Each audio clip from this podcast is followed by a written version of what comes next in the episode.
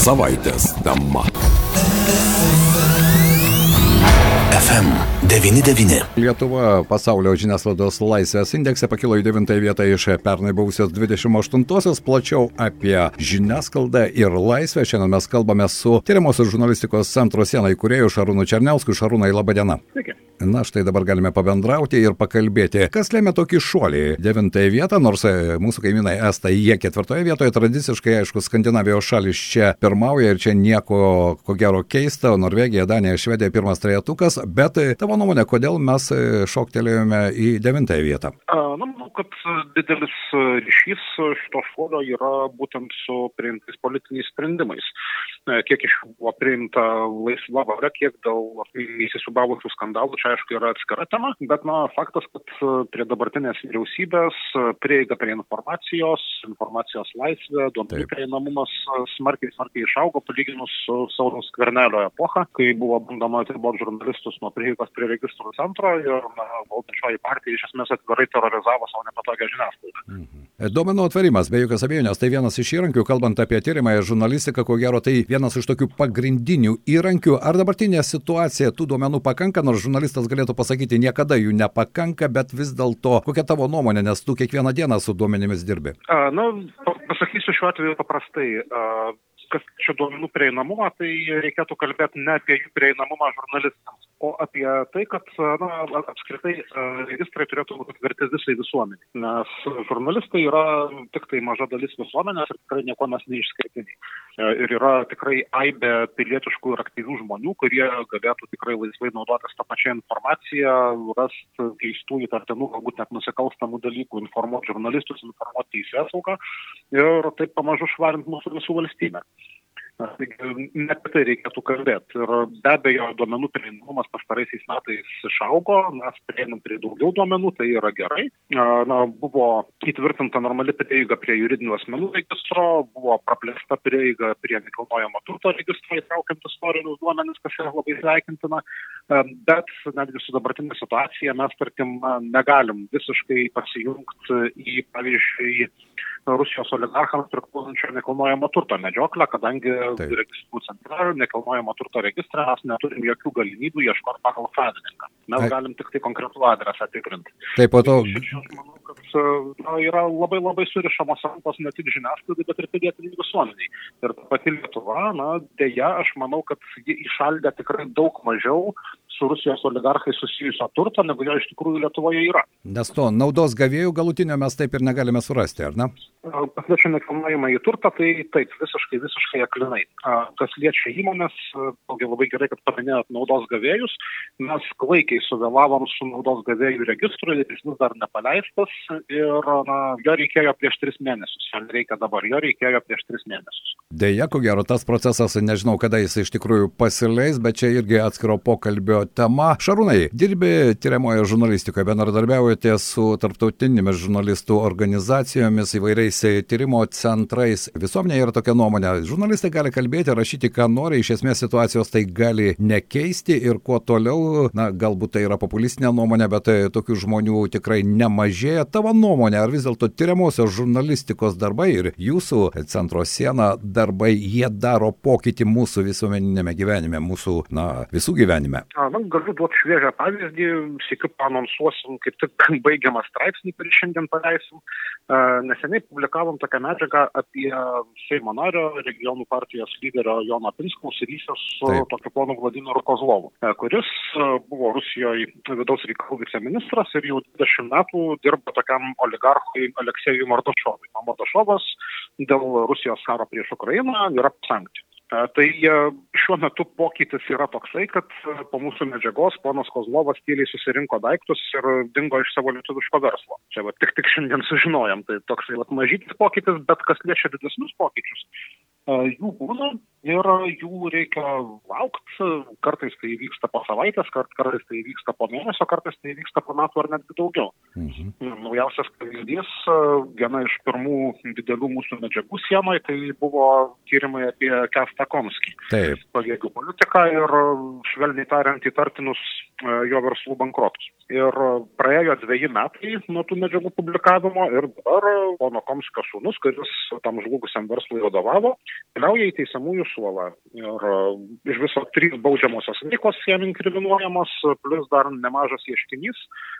Ir galbūt jis bus priverstas atlyginti žalą našlaičiams, kurie liko be nieko, būtent dėl to paties Komskio šeimos verslo bankroto. Taigi dalykai keičiasi. Tikrai naivu tikėtis, kad po kiekvieno žurnalistinio tyrimo kažkas keisis bet dar labiau naivu tikėtis, kad kažkas keisis iš karto. Tų rezultatų reikia laukti kantrybė yra vienas iš mūsų ginklų, kurių negalima atsisakyti. Tai štai apie kantrybę ir laukiant atsakymų. Ar dažnai jums, kaip tyriamosios žurnalistikos atstovams, tenka susidurti su atsisakymu teikti informaciją? Jis gali būti oficialus, tai neoficialus, nebylus, tų formų galima sugalvoti daug, bet ar dažnai su tokia situacija susidurėte jūs?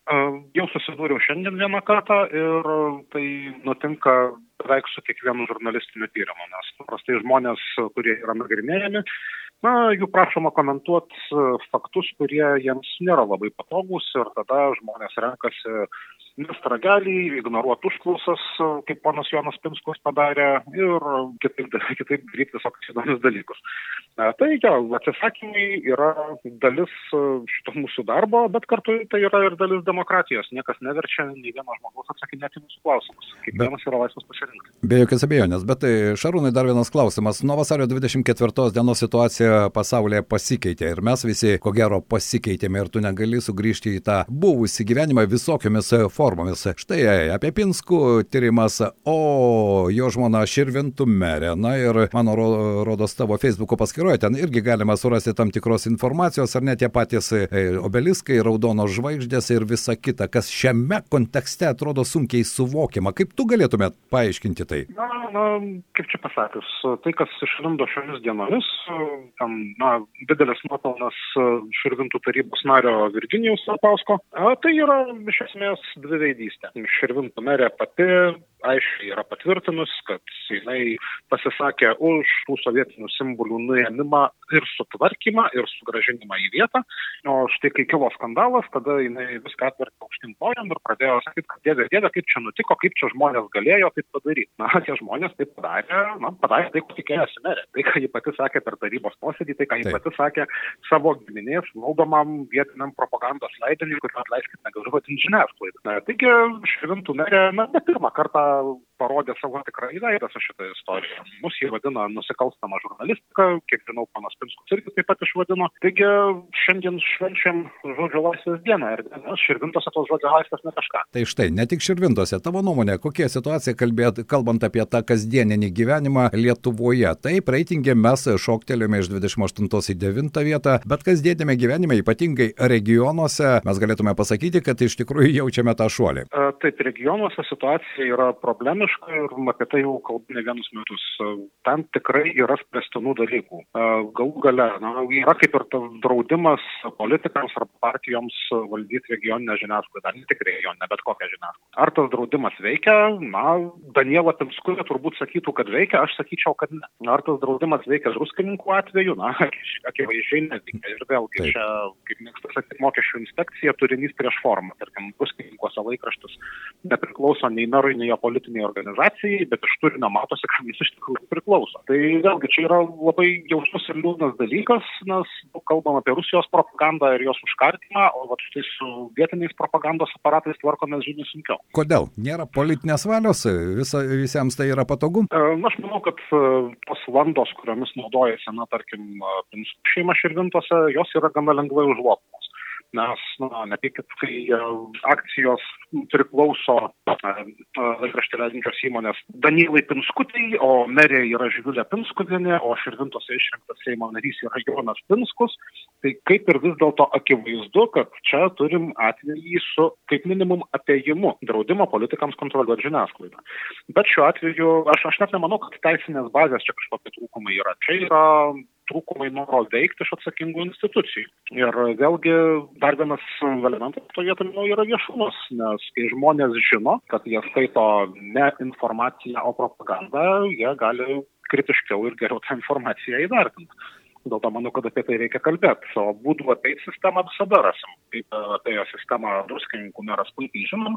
Jeigu būtų įstatymė užkardyta, kad žiniasklaidos negalėtų valdyti, tarkim, politikų vaikai, ar tėvai, ar pusbroliai, tai ir šitą būtų galima. Taip, nes visada atsirastų koks nors tam pranas iš patvorio, ant kurio būtų galima akcijas užrašyti. Taip, tokių pavyzdžių mes irgi žinome, kai tos akcijos priklauso kažkam, o iš tikrųjų žinome, kas valdo vieną ar kitą žiniasklaidos priemonę, kita. Linkėjimai vazdėjams ir buvusiam narui, taip, taip. Taip, taip.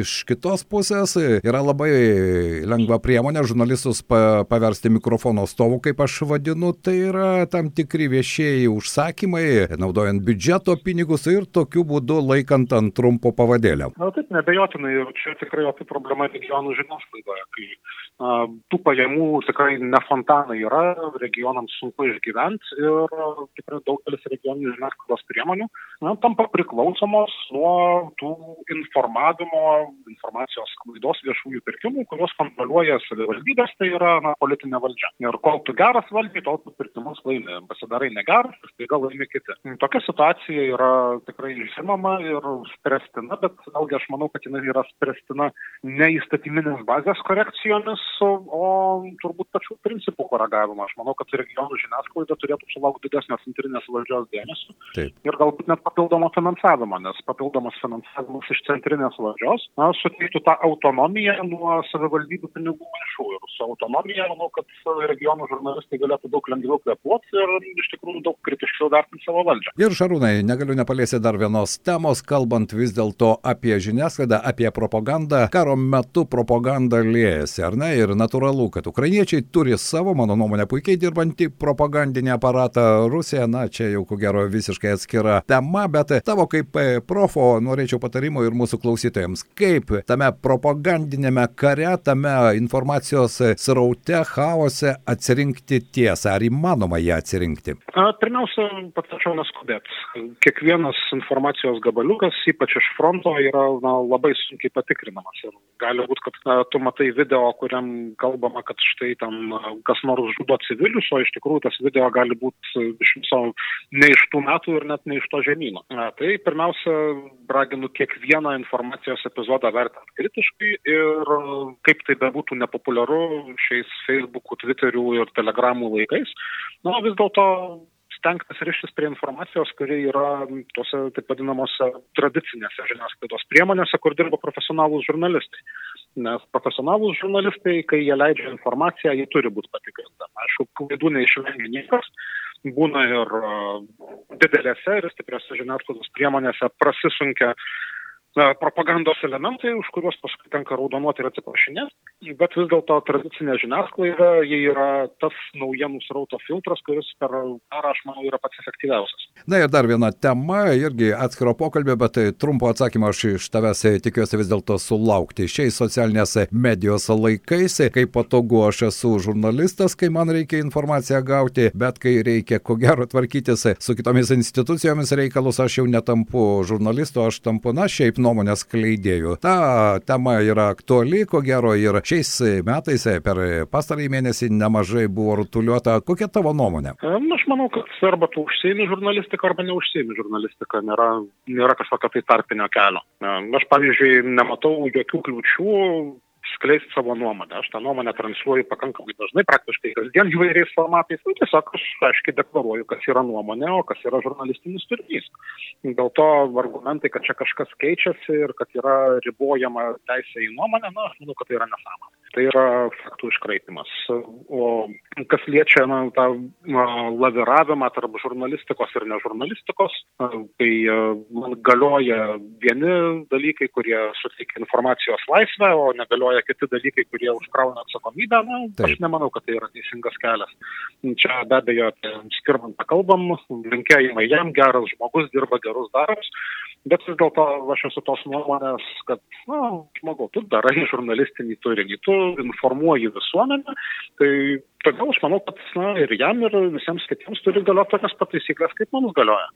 Taip, beje. Mes visi atsakom už savo žodį ir svarbiausia yra faktai, kuriuos galima įrodyti. Jeigu gali įrodyti faktus, tai gali ir pasikreipti kritikuojamą pusę, bent jau pabandyti gauti jos komentarą, net jeigu tai yra Jonas Pinskus. Taip, bet tai ne tik Skirmantas darė, tai štai Alitaus atveju darė ir vietinės politikės, kurios, na, ko gero tą istoriją, Šarūnai, tu irgi žinai, kadangi esi iš Alitaus, tai puikiai, ko gero, orientuojasi tame vietinėme mūsų e, smeledėžės kontekste. O, ten tai, žinokit, apskritai atskiras atvejis.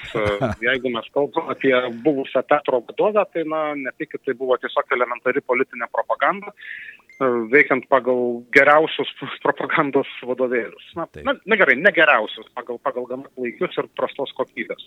Ten negali būti jokios kalbos visų pirma apie žurnalistiką. Tai buvo tiesiog politinis instrumentas ir, na, kad ir smarkiai pavėluotai, bet VRK sankcija buvo pagrįsta ir teisinga. Taip, kągi, šiandien noriu padėkoti mūsų pašnekovas buvo tyriamosios žurnalistikos centro siena įkūrėjas, tyriamosios žurnalistikos atstovas Šarūnas Černiauskas ir aš nebejoju, kuo toliau to tyrimoji žurnalistika bus reikšmingesnė, įdomesnė ir mums skaitytojams. Šarūnai, ačiū šiandien, kad suradai laiko. Dėkui tau. Ačiū Jums. Mūsų savaitės temos pašnekovas. Na, o grįžtant prie žiniasklaidos laisvės indekso, galime pasidžiaugti, kad Lietuva šoktelėjo į devintąją vietą iš buvusios 28-osios, bet ko gero ta pati problema tai yra ganėtinai dažnai žiniasklaida vis dar susiduria su atsisakymu teikti informaciją, teikti be paaiškinimų arba su paaiškinimais. Ir tai kiekvienos dienos temos.